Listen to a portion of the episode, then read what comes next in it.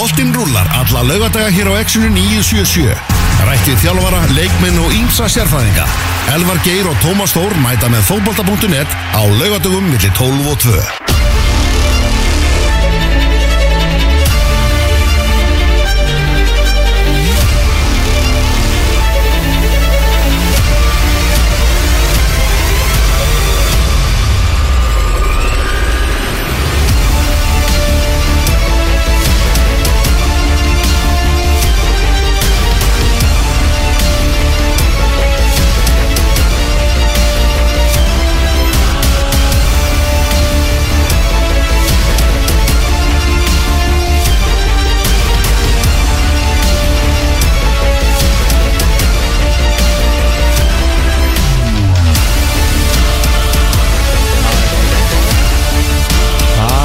er komið að því, það er komið að því. Ég skal segja ykkur það Fyrsta Stefið ótímabæra spáin. Þennan veturinn í útastættinum fótbolti.net hér á X977 Já, heldur Pétur ótímabært að vera spá í þessa deild En það ekki mjög langt í hana. Til, fyrst, á ekki vera þessu?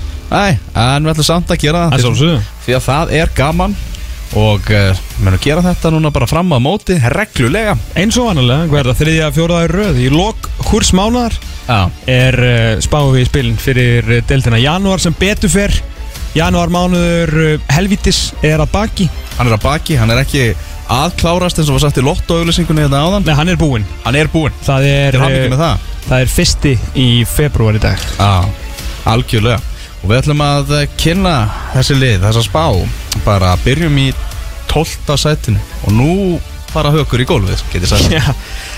Þetta, þetta verður sjokk. Algjört sjokk. Já. Í 12. sæti í Pepsi Max Deil Karla í fyrstu ótímanbæður spá vetraðins Haldið ykkur fast Benni Beltin Það er gróta á Seltjáðanessi Það er gróta á seldarnessi Menn strákarnir sem að skelltu sig bara upp úr inkassodeldinu Eitthvað sem að enginn spáði á síðasta tímabili Og eh, eru núna mættir hérna og, og ég ætla bara fullir af það Að þeir verða í öllum spám. Bara fram á móti í þessu sæti. Ég var að hugsa þetta aðeins í, í gerkvöldi og, og áðan. Uh, Ég man ekki eftir jafn, li, liðir sem var jafn mikið spáð 12. seti mm Kanski hákáði fyrra menn voru alveg, þeir voru svona dæmdir til að vera í 12. seti í, í öllum spám. Hjeldur sér segðan Heldu sér síðan með, með, sko, með bravur En það sem að þeir náttúrulega gerðu það sem að grótan er ekki að gera Þeir fóru og sótu leiki. Þeir sótu reynslu og þeir sótu leiki í, í Pepsi Max deildina eh, sem að endan mátt eftir að skila sér. Þeir fengu sko endur lífgaðan Áskir Börk þú veist í, í liði hjá sér þeir fengu mann sem var búin að gera þetta allt saman áður í, í fallbarátunni, í, í Bitniberg Bríði og þú veist það var svona það var andi í þessu og þeir náttúrulega áttu svona sinn einstaka heimavöll þar sem þeir þú veist æfa og kunna á þannig að það var margt svona sem spilaði með Háka á, á síðustu leitið fyrir utan að bara leikmennir stóðu sig í heldina mjög vel með, með spennandi unga leikmannin og allt það En það er ekki alveg það sama upp á teininum núna Nei. Hópurinn hefur enga reynslu í Pepsi Max dildinni mm. Hann uh, er sko þunnur af leikmönnum sem að einhvern veginn sér bara í alvörunni pluma sig í þessar dild Mm sko bara mjög þunnur bara sko valla byrjanlið finnst manni þú veist svona áður en þeir fara á stað finnst manni þeir eiga bara eh, þannig sé heima í þessar dild sko. En ég með að þú veist þeir það sem þeir gerði var náttúrulega að uh, fara langt yfir alla væntingar í einn kassodildinni en það er eins og við höfum oft sagt já á milli þings og þjóðar þegar kemur að, að Pepsi Max og Inkasso. Mhm. það er svakalur geðamunur svakalur. Þannig að uh, þeir náttúrulega þurfa annað eins æfintýri og annað eins kraftaverku og þeir ætla, eitthvað, ætla eitthvað að gera. En ég meina þeir eru, þeir eru ekki búin að fara þá leið og ætla ekki að fara þá leið eins allan að með við þegar við tölum við, við formannin með náttúrulega mikill vikingur sem er náttúrulega eitt af besta við grótuna Birgir Tjörfi Birgir Tjörfi, Pétursson uh, að hérna þeir náttúrulega bara sömdu tóku hérna allsherjar endur semjun við bara einhverja 48 leikmenni eða eitthvað og ætla bara spila á sínum strákum treysta þeim fyrir því, búinir að að, segja, aðlaga launastruktúrun sinn í svona bónusakerfi fyrir, fyrir deildina, þannig að þeir fá nú eitthvað eitthvað í, eitthvað í sinnvasa en, en ég meina, það er engin það er engin, engin reynsla nema náttúrulega í þjálfarnu Já, sem er samt ekki sami þjálfari og bjó til þetta gróttu batteri og kom þessu á þennan stað. Nei, þannig að þú veist, ekki bara það að þeir eru reynsluleysir, eru að fara að koma inn í þessa deild uh, sem algjört sko fram svona þegar að litið á það, bara algjört fallbissu fóður að þá kemur nýr þjálfari inn í þetta sem að þeir eru sko svo langt frá að vera líkur fyrirvændi þjálfarinn er að þeirra kemur að, að taktík og fótboltahugsun að ég held að sé bara ekki til meira bíl á myndið tvekja manna en aftur á móti það sem við vitum um Ágúst Gilvarsson og höfum heyrt skilur frá, frá blikum og, og, og fleirum sem hafa verið undir hans stjórn er að hann nær til leikmanna. Það er ekki til leikmaður sem Ágú- Ágúst Gilvarsson hef, sem hefur verið með sem að elskar ekki karakterin og mannin sko. því það er ekki annað hægt, þetta er geggjaður gæi sko. algjörlega. En gjöróleikur Óskar Rafni algjörlega sko. það er, ég veit að vorum að talaði með náðan, ég man ekki þú veist, það verður bara að leiðrættast ef að, að rámtsjóki, ég held að sé komin tíu ár síðan að uh, stjóri fór með lið upp. Og ég bara, ég bara bara, ég, að ég fór að pæla þessu áðan Ah. þá bara manni ekki hvort að sé hefur eitthvað gerst á síðast áratug. En það var allavega að, þú veist, ég man eftir þegar Gulli Jóns fór með, fór með selfisingan upp og vildi síðan fá starra jobb og tók valsliðið sem var svona já, raun og veru um nákvæmlega sem að gerist núna með Óskar það topp sambærilegt. ég fór í topparóttuna eftir að vinna í kassodeldina því að Gulli vann þetta þannig að uh, þetta er þú veist, líka ekki bara það veist, ef það grótaði bara verið eitthvað svona hvað að segja, bara hefbundið einn kassolið, bara eitthvað vel mannað með bara nokkra unga gæja, nokkra hérna einhverja smá reynst og pæsum magstildinni og þetta hefði verið bara svona, kannski einhver annar þjálfur heldur en Óskar Rappn og þá verið auðveldur að stíga inn í þessi spór, en þetta er bara einhvern veginn svo allt eh, þetta er svo allt svona svo furðulega aðstæða sem að gróttum er í en á endanum skilju þá getum við talað í ringi og ringi um hvað er í gangi að ná og hvað þú veist um konseptið, allar Gústi Gilva að halda því, allar hann að fara í sinnbolta allar þeir bara að vera varnasinnar munum þeir uh, fara bara að spila til þess að vinna stig, allar að spila til konseptinu sínu maður veit það ekki, en á endanum þá er bara fótboltaliðið á ekki að vera nógu gott sko. Nei, nei. Ég held að að vera ekki fallbissufóður Ég spáði þeim að sjálfsögðu 12. sæti í tildinni Já. Ég held að þeir munu hafa alveg vel mikil áhrif á þessari tild Og líka sko meðal annars vegna þess að liðin sem eru þarna í sætunum sem er spáðið sætunum fyrir ofan eru langt frá því að vera fullkomin fótballtalið ja, algjörlega, algjörlega. Ég er að segja sko ásýndin á já. gróttuna verður fallbissum fólk og, og þetta held ég að geti líka bara hjálpa þeim. Þetta algjöra pressuleysi Þú veist, það er gýr og, og það er liðstemming í, í þessu liði. Og svo hafa þeir, þrátt fyrir að, jú, vissulega verður erfiðar að gera það núna þeir eru með föstu leikadri Þeir eru með leikmenn sem eru helvítið upplýður í því. Og ef þeir ná að stilla saman varnarleikin bara nokkuð vel Og föstu leikadriðin gefa þeim eitthvað Þá getur þeir alveg, alveg gert eitthvað, sko Þú veist, á, að því sögðu alveg klárlega að spá neðsta sæti í dildinni en ég held að vera ekki fallbissufóður ég held að vera ekki svona keplavíkur vandræðilegir sko. Nei, ég, ég, ég, ég óska þess rosalega mikið því að þetta er, þetta er fallegt og þetta er skemmtilegt og það er náttúrulega bara eins og hákon í markinu sem verður náttúrulega verið geggja að fylgjast með og verið gaman að sjá stóra strákin frammi hvort hann geti pluma sig á þessu lefið því að ef að Pétur gerir eitthvað þarna að- skoraði 15 mörg í 15 innkastdeildinni. mörg sko og hann eins og talar um sko först leikadri, stór og sterkur strákur að hann geti vel verið eftir í, í deildin ef að hann svona gerir eitthvað viti og, hérna, og hákona á mjög bjarta framtíð fyrir sér. Það er, það er mjög flottur strákur sko. Þannig að allan að fremst og aftast eru tveir rosalega spennandi leikmenn finnst mér til að horfa í, í fyrir sumarið. Og ég, ég er alveg sammála því sko að hérna ég held að svona ég Já, ég, ég kannski, ég veit ekki, það er kannski aðeins að sjá meira. Uh, Þeir eru að fara inn í, þú veist, þeir eru enda rústa grindaug sem var alltaf skemmtileg byrjun á, á fótbolta.nl síðan er þeir svona aðeins að fá sig að mörg á móti, móti góðlegunum en halda síðan reyna móti háká í, í, sest, í sætaleiknum um, í fótbolta.nl Þeir eiga Þór, FH, Grindavík uh, Þrótt og háká síðan í, í lengjunni. Og þetta er svona það er ekki oft sem held ég lið þurfi á, á svona virkilega einhvern veginn góðum lengjubengar að halda en ég held að gróta virkilega þurfa að halda þú veist, ég er ekki talað um einhverja að vinna einhverja leiki en að þú veist, þið verða að koma inn í hérna, sko, 50 days of friendlies einhvern veginn á einhverju farti inn í þessa deild því annars, þeir, þeir þurfa að byrja vel sko. þeir þurfa svo sannanlega að byrja vel ég ætla að velja svona eitt leikmann í hverju lið sem ég er mjög spenntur fyrir að, að sjá Ok. Eh, í gróttu vel ég uh, Axel Frey Harðarsson sem er uh, vang, eh, spilaði vangbakvörð virkilega var mikið vopni í leik gróttu á síðasta tímabili og maður heyrða því vetur að að Óskar Raffn hefði viljað fá hann bara með sér í Kópói til breyðabliks tvítur, tvítur strákur, virkilega skemmtilegur og ég er mjög spenntur að sjá hann í, í Pepsi Max teltin í sumar Já, hákonni markinu er by far með spennandi leikmæni þessu gróttu lið fyrir, fyrir mínu parta Vindum okkur yfir í 11. sæti Þar eru hinnir nýlegaðnir í deildinni Það eru fjölnismenn sem spáðu er 11. sæti uh, Liðin sem komast upp úr Engas á deildinni í fyrra Er spáð falli í fyrstu og tímabæru spáni Fjölnismenn lítið gert á leikmannamarkarum Er eiginlega bara með nánast sama lið og þeir voru með í, í Engas Nei, það er bara alls ekki rétt hjá þér Því að þeir eru búin að missa stjörnum framherjan sinn mm. Í Albert Brynjar Ingarssoni Mm. Og ekki besta Heldur lang Besta mannliðsins frá síðustu leitið Rasmus Kristjansen og vörðunni Þannig að þú eru með slakara lið á leiðin upp í Pepsi Max deildina heldur þeir voru með í fyrst deildinni. Klart mál. Uh, Albert Brynjar Ingarsson alltaf bara við þekkjum hann mikið úr, úr, úr maksaðanum hann hefur alltaf reynslu, skora fullt af mörgum og fyrir utan alltaf hann er með vinslu á við 2-3 sem að er með, með hvernig þetta fjölnislið allar að spila. Þá er Albert Brynjar einhver framherri sem að þeir hefur svo sannarlega þurft á að halda. Þeir fá Greta Snæ Gunnarsson sem ég fannst svona mjög skemmtileg, skemmtilegu fengur hjá þeim. Já.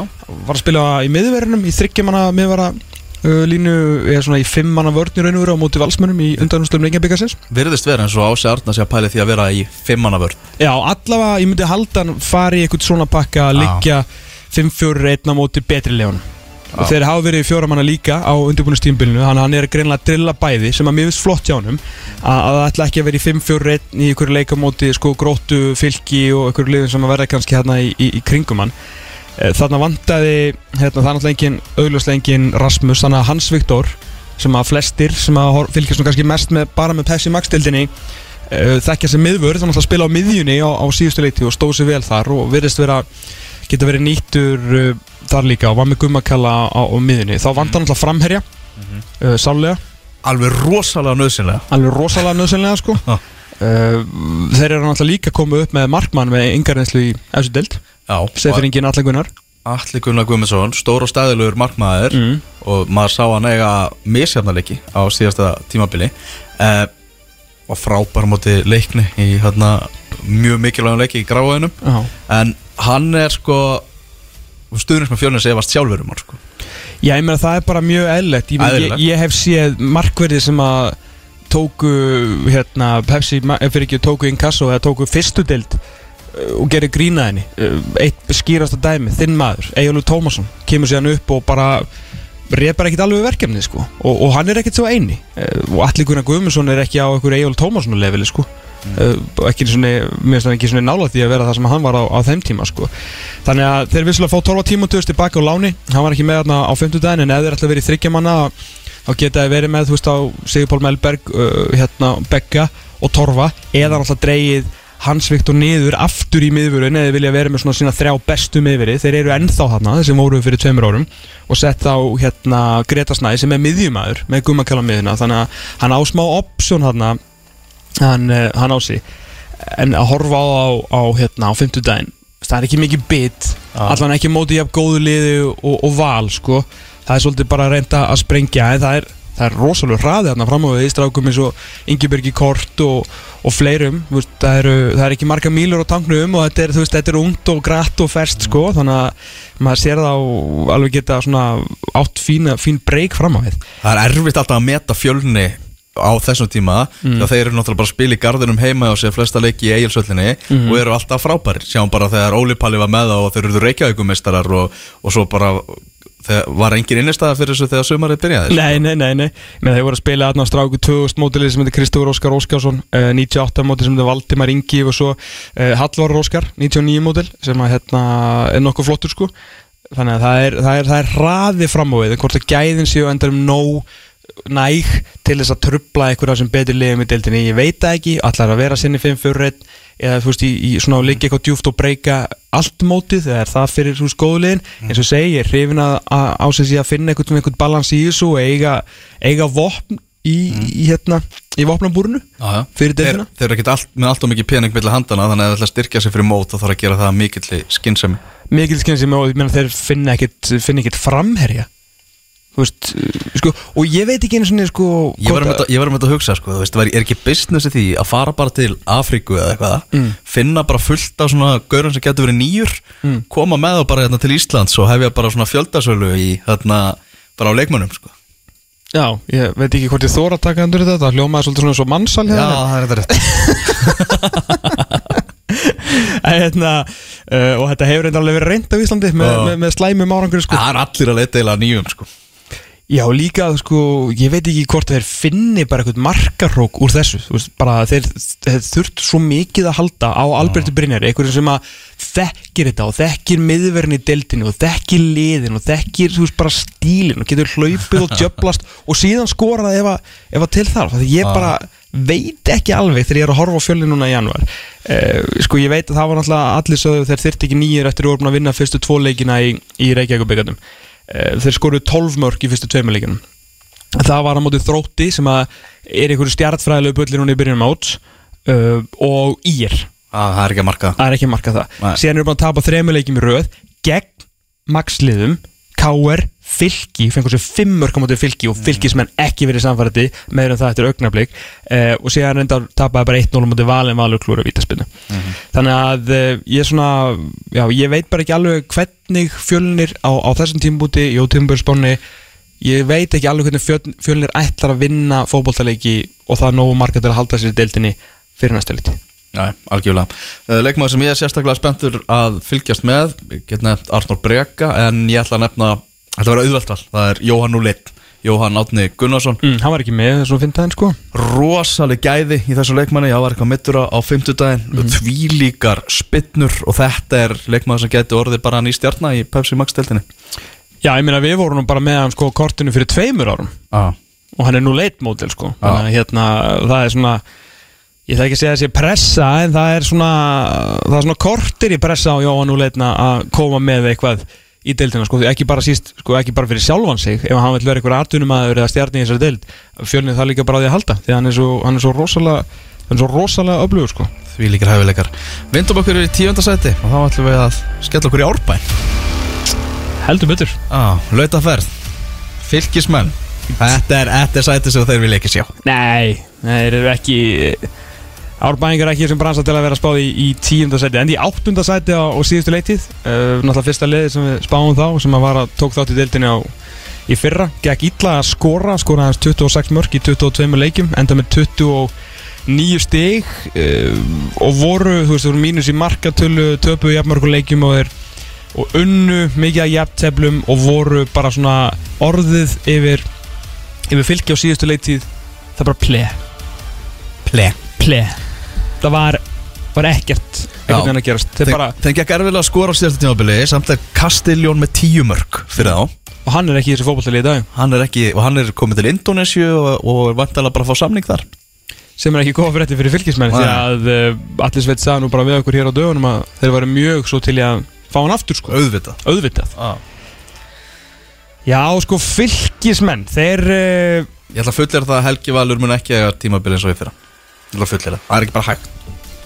Nei, ég meina það og, og, og hvað, eða, veist, það var ekkit að náttu nokkur góða leiki sko. Ah. eins og allt þetta, þetta fylgislið er bara svona það er bara eitthvað. Fattur, það er náttúrulega það sem að það er svona, hvað sagði allir orðið stöðuleiki oft innan þegar hann var í vitalið okkur fyrir vikum síðan? Rosalega oft Já, það er líka, það er líka mjög Ja. skiljanlegt að hann, hann þarf að nota það oft til að koma þessin í hausin og leikmönnum til að vera ekki bara, þú veist, eins og eitthvað hjartalínuritt bara hjá manni sem var að klára sko, MGT-æfingu ah. Þú veist, þetta er bara upp og niður og upp og niður og geta átt frábæra leiki og unni flotta sigra og skora góð mörg og svo bara geta þær ekkert næsta daginn, sko Mhm. uh, Þeir eru búin að fá uh, búin að viðsynlega búin að missa Emil Ásmundsson sem var stórt og e Jeffrey Castelljón þannig að þeir missa sko tvo reysa betótuleginu þeir fá Harry Lee Willard frá Vikingólasvík sem er svona vinslu VL bresku strákur sem var í, í inkassodeldinni fyrra. Uh, og mun eflust gefa, mikið af hérna, kilometrum inn á miðunni og við erum svona alveg spenntu fyrir að, að sjá hann í þessu deld sko, ég held að hann geta alveg plumma sig.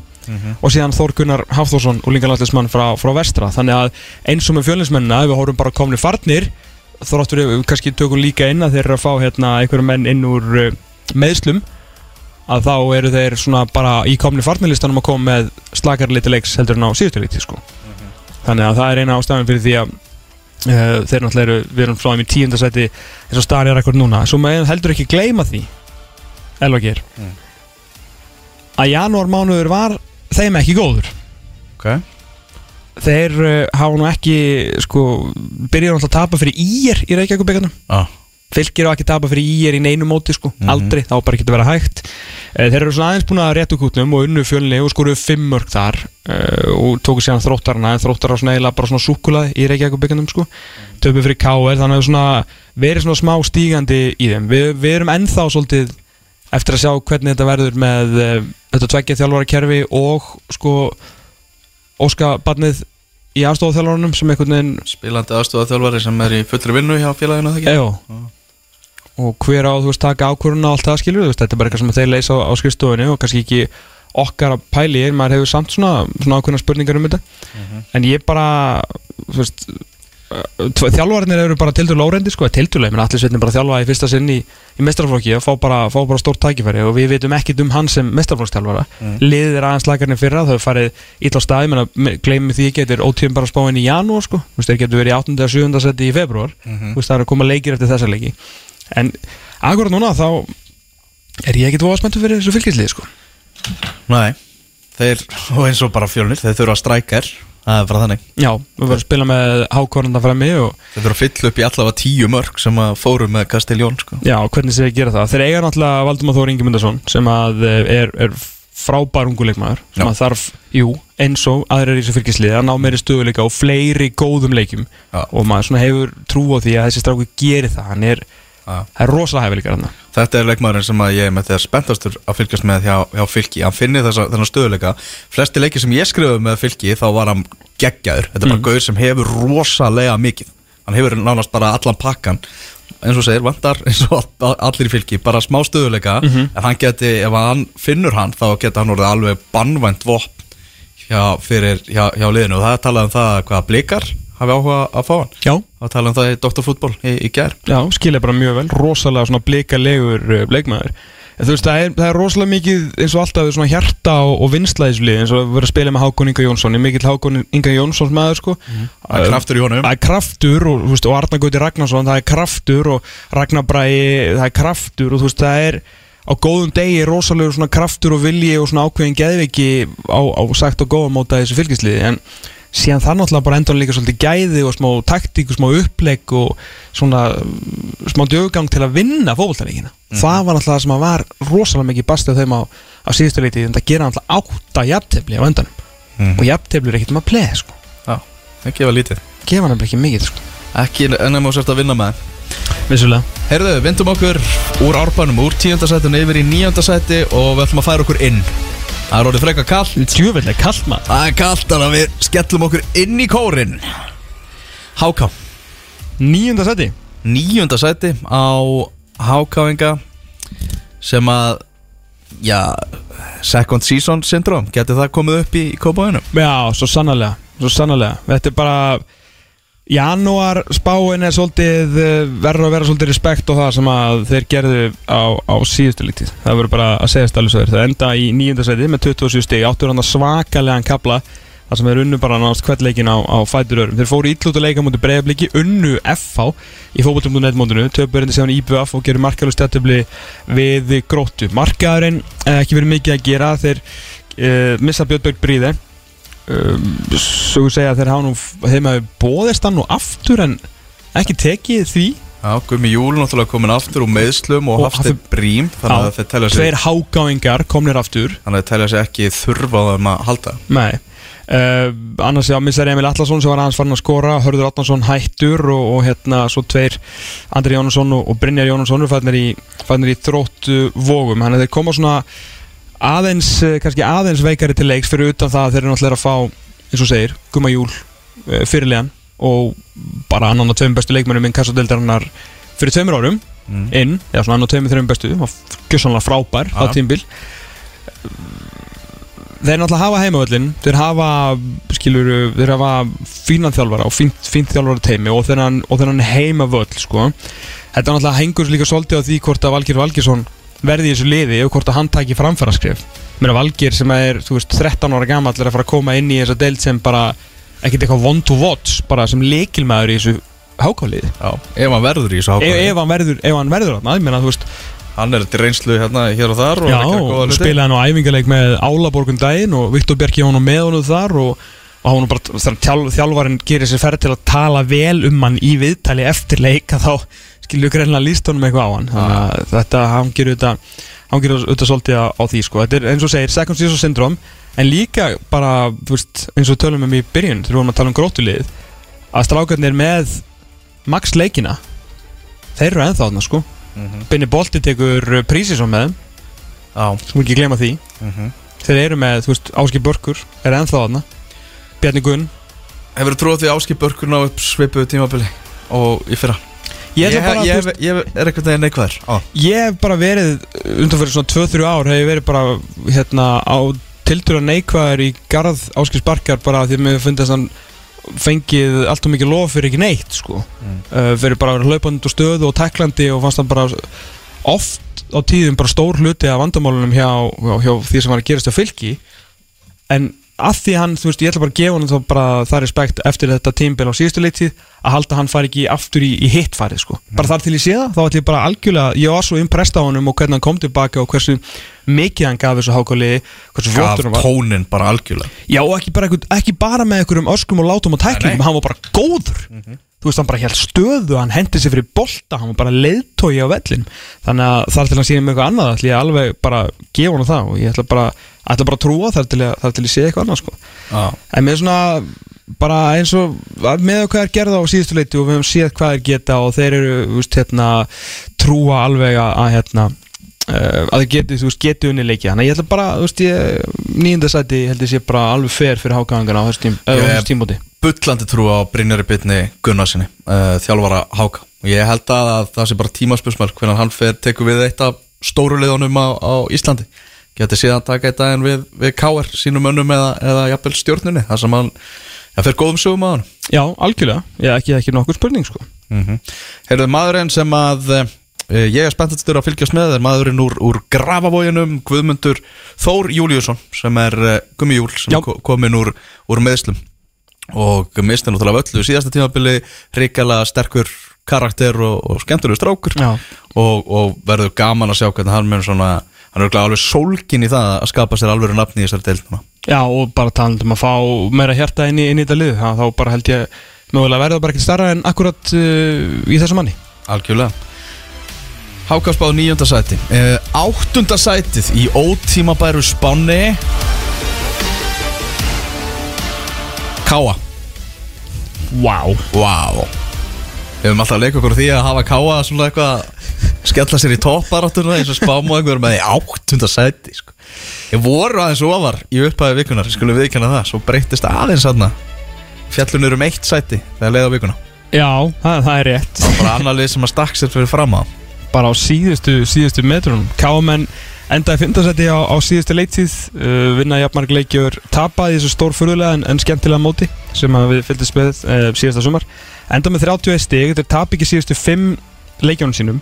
Uh, 34-34 markartölu þannig að eru bara eru á eru á nullinu og það er enda vel og það er oft talað um að, veist, að taka með sér svona góðan endasprett En Eh, þeir voru í fallbarótti þegar voru bara fjórum fyrir Eft- Eftir átjónum fyrir eru með 21 stig sko í tíundasæti og þremur Já. stigum frá falli. Já Þeir fengu þægilegt rönnin Kilur að hérna, fylgisliði sem hafa ekki miklu keppa Víkingum sem voru nú orðinir ansið sattir eh, Grindavík þannig að þeir fengu mjög físilega leiki en þeir kláruðu það. Enda í, bara ágæti stigatölu og, og, og bara fínt sko. Þannig að bætingin sko bætingin frá, frá Túfa hann var mikið hérna, káamenn voru ekkert eitthvað svona sérstaklega sáttir með, með Túfa kannski aðalega fótboltan sem að spila þeir vildu fá eitthvað meira fyrir aurin því að nógu búið að setja af aurum í þetta lið 2018 enda káa með 36-34 markatölu 28 stig þeir vinna 7 leiki enda á okkur þrejum með játtöflum uh, bætingin bara ef við horfum bara á úrslit ef þeir skora minna, þeir vinna tveimur fleiri leiki og fá uh, fjóra stigum meira. Þannig að bara svona það var ekki eins og hérna, Óli Stefán aðeins hýft á eitthvað algjörlega upp til skíjana en þegar þú skora, skora sér einstakst skýslur og, og því um líkt að þá var auðvitað voru þeir meira með boltan og voru svona aðeins positívari í leik sem var kannski það sem að káa með vildu þannig að það var svona breytingin ef við horfum aðeins til, til síðast tímpils en áttundasæti núna elvar? Áttunda sæti núna? Já, Já, þetta, þetta Ég hef alltaf alltaf að skella mér á, á hann kjarnafæðismótið í vetur en það er alltaf búið að vera ófært þannig að Ég hef ekki- Annars hefur við mætt á alla leiki. Já, hans, hérna, sko Áskir Sigurgjörsson Hann er náttúrulega tröll að trúa á, á þeim leikmanni En hann er vist á meðslalistunum núna Kom aftur og meðst, Hann er alltaf meittur Og hann þarf að haldast heill Þegar, þegar að sumarið byrjar. Að X-faktorinn í, í liðinu hjá þeim sko. uh, Já, bara eitt besti leikmaður í liðinu og jafnvel sá besti á, á sín degi, kannski hann og, og Grímsi Já, Elvar Átni lítur náttúrulega alltaf vel út á, á þessum tíma. Nei, herru, góðu fréttnar eru hann hefur alltaf skorað mark í Jú, kjartanfæðismótinu Jú, Aha, já, já. Það kom ykkur leikur um daginn. Nú ok, allan að við fyrstu leikjana hann var bara, hann var ekki, hann bara komst ekki á blað. Já, sem er, ég myndi halda að vera góða frétti því hann alltaf búið með kvótan í janúar sko. Já, í, deildinni? Já. Ekki, hann flottur í fyrra, virkilega flottur. Þeir eru búin að missa Callum Williams sem er, þeir eru hættur tölum einhverju leikmenn sem að skipta á máli. Uh, missa Torfa Tímunduðs aftur í, í lán. Aðrir svona, alveg þetta gerði nú ekkert eitthvað mikið fyrir okkur. Þessi spánverjar voru náttúrulega bara komið hann okkur fróðdisko frá, frá Magga sko. Þannig að, eh, já, veist, bara ágætis reynsun þar, kannski vantar í, í tölunar þeir eiga náttúrulega unga leikmenn líka sem þeir vilja fara að láta spila. En fá uh, Rodrigo Gómez Mateo Rodri Rodri, sem að Óli Stefán Flóhansson þekkir hansi vel Já Rodri er klálega að fara að gefa þeim bara ákveði jafnvægi og svona bara presens á miðunni, myndi góðu leikmaður sko og, og hérna mm. uh, vákvöldi maður sem er með okkur í, í öðrum hluta fókbalt.net uh, kann ekki íslensku og, og kallaði þetta kvalreika fyrir káamenn Mm. uh, sem þetta er alls ekki uh, langt í fram uh, en, uh, en, en Rodri er Rodri er góð leikmaður. Það sem ég hef kannski svona mestar áhyggjur með, með káalið er bara svona ákveðin svona stöðnun sko, með, með þetta lið. Því að eftir að fara að sjá Hatta að spila eitthvað fleiri leiki og vera betri 2020 heldur en 2019 mm. Þetta var að gera ráð fyrir því að Steinfór Freyr sé að fara að gera eitthvað? Á hann að fara bara núna á fjórða tímubili heim? Er hann þá að fara að negla er haukur heiðar bara einhvern veginn er hann ennþá klárar í slæðin ég held frekar Óli Stefán sko þurfa að fara að nota meira af þessum ungu strákum og reyna að koma þeim inn í lið þannig að þetta gæti enda mögulega bara í ákveðni ég ætla ekki að segja uppbyggingu með lið sem að, sem að kosta hér mikið og þetta kostar skilju og það er bara, það er bara vel hvað þeir vilja gera þarna fyrir norðan sko. En En við- talað um unga leikmenn. Spurning hvort með tvíbruna, Nökkva og að þetta verið tímabilið Það sem að þeir svona Já, eftir aðlöguna tíma, getur við sagt Mm. Bara verði í stærra hlutverki á Káa Já, það eru fleiri ungi strákar eins og káalið sem eru bara hörkugóður í fótbolta en um leiðu út farin að setja þá inn þá er náttúrulega erfitt fyrir káamenn að vera að gera einhverjar, kröfur um, um Evrópusæti eða, eða berjast um eitthvað skilu. þá þurfa þær fyrir eitthvað að, taka eitt skrif tilbaka og, og vera bara svolítið spendi fyrir sínum strákum þannig að ég veit ekki þú veist ástæða fyrir kannski þegar þeir eru í áttundasæti hjá okkur núna við við tökum ekki mark á káa í kjarnafæðismótinu Nei. Það er ekkert lið sem keppir á þeirra kepp samkjöfnis grundvelli Við tökum bara ekki mark á kjarnafæðismótinu sko, alveg, þú veist, gaman að hafa mótana fyrir norðan og eitthvað. Mm. Það er erfitt að, taka mark á þessu Já, sérstaklega þurfum við að tala um káa sko. Já, Þeir eru náttúrulega bara að bera höfuð og herðar og eiga basically alla leikmenni hinu leiðinu líka sko, eða líku við. Þannig að, eh, já, ég mér langar að hlaka til að sjá káa menn aðeins svona meira þegar við komin í, komin í lengjubíkarinn en að þeir fara ekkert neðar í þessar ótíma bara spá eftir þess að líður á og það getur ekki verið. nei, nei, nei. Þetta er bara leggsta sem þið geta farið í ótíma bröspanni Já, býðum aðeins. Býðum og sjáum. Býðum og sjáum. Býðum og sjáum. En ég allan að það kemur mér óvart ef við séum með það núna í, í áttundasætinu en, en hérna En ég held að sé bara mjög svona einhvern veginn sé bara allt í læg Það er ákveð kannski sjokk fyrir akureyringa þessi jafnvel líka mjög ánæðar þegar var eiginlega reyðar út í okkur ef við varum með við þriðasætinu ah. En Já. fyrir ykkur möndu spenntur? Herru, ég er spenntur fyrir leikmanni sem ég hef ekki séð spila fótbolta uh, En heyrt virkilega góða sögur af. Já. Sveit Margir Haugsson heitir Já. Hann Kemur frá Dalvik Reyni 2001 mótel Já Kom bara núna fyrir þetta tímbil Já, er, Ei vetur. er djúpumiðumæður Bara svona stálpaður hérna sveita strákur og, og allir þessi Stolpaði sveitast hvað þetta hljómar bara vel. Og já, og hann er vist búinn að spila það vel núna á, á prísísónu að, að káamenn eru spenntið fyrir honum og hugsa að hann geti verið bara í flottu hlutverki í, í liðinu í sumar. Já Ég meina þú veist uh, sko það er, er, Byrtan ábyrðar, en ég er spenntur að sjá hann. Þeir eiga náttúrulega stráka, þú veist, þetta eru náttúrulega nöfn sem að fólk þekkir að þeir eru, eru búin að vera að fá, fá mínútur skilu, en þú veist með uh, Sveinumarkir sem er, eins og segir er búin að spila. Það er hérna Nökkvi og Þorri. Það, þú sko, Brynjar Ingi Bjarnason og Bjarni Aðalsteinsson þú veist, strákar sem að hafa verið að fá mínútur hérna og, og hérna verið líka eins og, eins og Bjarni verið að fara til, til Magna og svona þetta eru bara 99 mótil sko. þetta eru bara strákar sem að vera 21 ás á þessu ári. Þetta er ennþá ungir fótboltamenn. Þannig að það er fullt af skemmtilegum efni við e, í þessu, þessu káaliði. Það er ekki nokkur einnig spurning. En um leiðut farin að nota þá og þá er bara mjög eðlilegt að vera að spá káamennum eitthvað stæðar í, í átundasætinu sko.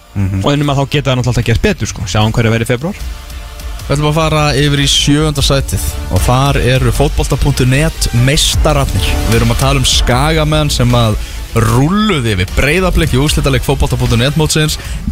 Reyndar eitt fríkaðasti fótboltaleikur sem ég hef fylst með. Það er náttúrulega bara blikar klúruð döðafæri eftir döðafæri eftir döðafæri. Mm. Að var búið að þrjár sóknir og með þess að tvær held ég og komnar, og komnir í, í 3-0. Mm. Tökum þetta nú allar sem sóknjaðum þegar Anton Ari gaf hann að markið sko.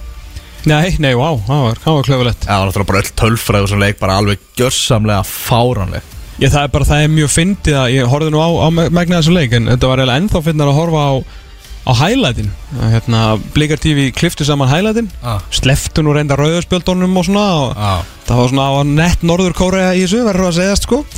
En uh, þeir voru með öll færin og mörkinatninni og sko Blikar eru búin að veist, skjóta eitthvað svona rétt yfir samskiptin svona fimm sinnum áður en að þú veist ég hef komið í 2-0 eða eitthvað Ah. Þannig að þetta var, uh, já, þeir voru kannski yfirbörnir voru ekki eitthvað miklu á velli en þeir nýttu nýttu færinsinn sko og, og rúmlega það Já. En þeir voru vel hauslusir líka hérna blikandir Já, förum við það á eftir Já. Það ræðum við blikana En, Þetta var, já, en þeir enduð þannig þeir voru náttúrulega með leikin nánast nánast unnan þegar þeir missa þess að menna velli sko blikandir já, skagamenn náttúrulega bara að spila á, á sínum strákum Vorum unglið í fyrra og, Mhm. og verða bara með yngra liðið held ég á, í ár Já, og eru, hafa, hafa ekkert uh, gert á, á markanum Mm. mm. þar sem að uh, afer uh, það Ma, er Maður veit ekki hvað verður um sko veist, Bjarkisteinn, Stefán Teitur Verða þeir með í að í, í sumar veist, Þeir eru bara náttúrulega búin að vera að ferðast um Evrópu í, í vetur sko. Já, ég hef enga trú á þessum interreilum Þessi strákar eru endi aðturum mennsku en þeir verði í að allavega fram á mittsumar Já, Ah. enga Þegar menn eru farður á interreil að þá fá þeir ekki samninga sko. Ah. Ég hef ekki, ég maður bara Þetta sannaðist með Guðjón Baldursson á síðan tíma þegar hann fór bara í sko Evrópu reysu hér ár eftir ár eftir ár. Ah. Þetta gerist ekki þannig. Herri, þau búin að missa Albert Hafstinsson í, í fram. Einulói Einarsson sem átti ágætið sexleiki var hérna, er hættur sem er leiðis Gánsson hérna, Samarano sem að floppaði fyrir allan peninginu fyrir aftur í Ólasvík og Arnar Snæk Guðmundsson er, hann var hann að spila daginn. Eh, það var eitthvað svona einhver ofið sem hann. Hérna, sko skagamennir þeir eru búin að, þeir eru tablusir á þessu prísósinni Mm nú flottir í janúar, enda ungi strákjar og í góðu standi. Þeir eru búin að skora fjögumörk að meðatali í leik, verið þannig að þeir eru að vera að raðin mörkunum. Uh, sko það sem ég hef tekið aðeins eftir með skagan var reynda að horfa aðeins á, á bæði á IATV og leikjunum sem hafa verið búið þar og síðan núna á þessum leik er að uh, þeir eru og Jói Kelly er að standa við það að laga til leikstílinn hans lið Hann er að pumpa upp skemmtarnagildi hann er svo sannlega að pumpu skemmtarnagildið án þess þó að tapa því sem að þeir voru góður í til dæmis í fyrstu sex leiki mótsins sko. Eitt skref í einu. Það er nefnilega svolítið þannig. Uh, fyrsta markið er með þetta móti hérna, móti bregðarbliki Mm. bara út frá markverði, vissulega ekkit margar sendingar þeir spiluð út frá markverði bara hérna skrúu bolti út fyrir bakvörð og, og boltin fyrir marki og tryggvi náttúrulega slútar þessu virkilega, virkilega vel sko. Hérna, það var annað þeir hverju voru að spila um daginn hvort það var hérna já, stjörnunni held ég var að horfa á í, var að horfa á í, í .net mótinu á móti stjörnunni heima. Þá er reymitt líka að skora svolítið, svolítið fallit mörg þá var hérna, fyrramarkið sem að hérna, ungistrækurinn sem búin að vera Brynjar Snár Pálsson sem búin að spila vel fyrir hann núna á, á skoraði að þá sko taka þær eitt langan þú veist, vinna setniboltan en það kemur svona eitthvað daradans en þeir, þú veist, þeir sína samt skaga kraftin sinn vinna boltan en fara síðan í svona smá fótbolta sko. rennur með góð til vinstri skilur þú taka hérna tvöfald á, á bakvörð komin á hérna völlin skilur og skora. Þetta voru ekki að sjá. Mörkin sem að í að skora á síðustu leitið tók þá eina sekund að skora og meðaltali var 1,1 sending. Það segir okkur nákvæmlega á hvaða þjóðvegi þeir voru. Nú er aðeins sko, það er ekkit bannað að vera á þjóðveit. Það er aldrei verið bannað. En það má líka stundum taka hliðagötunar og aðeins skilur sveita veginn og skoða útsinnið það er það sem þeir eru að gera. Og það eru nokkur mörg og nokkur uppspil sem ég sé með í að núna á þessu prísunni sem hafa bara verið dundur flott þeir eru byrjað að spila miklu meira úr markverði eru að taka meiri áhættur þar ekkert eitthvað, þú veist, vikings áhættur eða gróttu áhættur, þar sem að menn eru bara einhvern veginn að fá sko, hérna, að strópast inn í teiga okkur í tögafalli, sko, þeir eru að koma boltanum svolítið skilvirt í burtu, það sem að kannski gæðin er ekkert alveg mikil þarna í öftustu výlinu kannski eins og hjá vikingi, ég skilju, ég held að Haldur Smári sínum kannski, að ég bara taka því að þeir eru kannski svona dæmið um að spila út frá markvið í dag. En ég bara, ég er, veist, ég bara á svo skæðali Já. á síðustu reyti Og, og fórst ekkert leint með það Nei, þú veist, þetta var Já, bara ekki já. hægt að horfa á þetta sko. Já. Þegar markurinn var að sko, sparka langt 20-30 sinnum í leik Mhm. Þú veist, þetta var bara ekki bóðlegt að bara sína þetta hvað þá í sjónvarpi sko. Mhm. Jókali nána svona eiginlega viðurkendi þetta skilur, í, í flottu viðtalið Magga í miðunni og hann er að laga þetta til og það er enginn að banna þeim að sparka langt bara svolítið skilvirt, skilur ekki, ekki bara eitthvað, ekki alltaf frá átna því átna getur sparkað boltanum hver sem hann vil sko. þannig að ég hérna og svo náttúrulega bara er að vinna fótballtælingi þannig að ég, ég er ánæður, ég er bara mjög góður janúarmánur hjá skagan Mm. Svo leikmaður sem ég er spenntastur að fylgjast með Ég er ekkert að finna upp hjólið þar Það er Tryggvi Hrafn Haraldsson mm Mhm. uh, Sagan segir að Rúnar Kristinsson sé bara sko sólkin í Vesturbænum í að, fá hann í, í KR-treyjuna en, en skiljalega því að hæfileikarnir er svo sannlega til staðar eins og sást í þessum úrslitaleik. Fyrsta marki hjá að wow Svo Tryggvi Ram Haraldsson sko. svakalegt sko. Og ekki var nú hælspilnan já, á þriðja marki þegar hann sólaði fimm misti boltan frá sér, náði samt í hann og skonaði með hellum. Já. þá hann eiginlega fallir heldur en fyrir fyrsta marki sko. Við vorum á .net með þarna í samfélum við Sony með uh, leikmann hvers þriðjungs í Pepsi Max deltinni og Tryggvi Hrafn var valinn besti leikmann fyrsta þriðjungsins. Síðan er það svolítið laukan bara keppni eftir það sko Þannig að við viljum fá þennan Tryggva sem að byrjaði mótið í fyrra bara allar umferðina sko. Sko Tryggvi Ram Haraldsson er svo góður og svo mikilvægur fyrir þetta skadalið að það geti bara munað tveimur sætum. Tveimur til þremur sætum á skadaliðinu hvort hann er með ekki. Það er algjörlega þannig sko. Heyrðu, frá sjönda sæti þá vindu okkur yfir í sjötta sæti ekki pása fyrir setnurutana? Tökum pás, eða ekki? Já. Þeir- Já, það eru auglýsendur eru hérna bankað á dyrnar. Já, þeir eru þetta fyrir utan. Tökum okkur smá pásu. Við komum með efri hlutan í fyrstu Ótíum bara spá veitur en sér eftir augnablík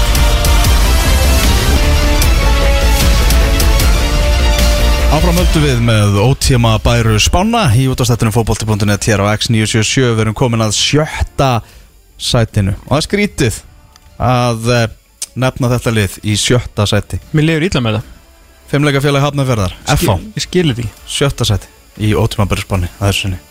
Mér lifur bara eins og ég að tala um Manchester United sko. Já, þetta er mjög skrítið. Þetta er mjög að spá FH sjötta sæti, erum við ekki rugglaðið það? Já, á á öllum tímapunktum í öllu er þetta bara þetta er skrýðið Af hverju erum við að spá um sjötta sæti? Þeir eru skrýtnir. Já, þeir eru skrítnir Það er eitthvað uh, Það er eitthvað Það er eitthvað við FH uh, Sko FH-ingar náttúrulega gerðu vel á síðustu leik tíðundur lokin. Þeir komast í byggarústa leikin, tapa honum.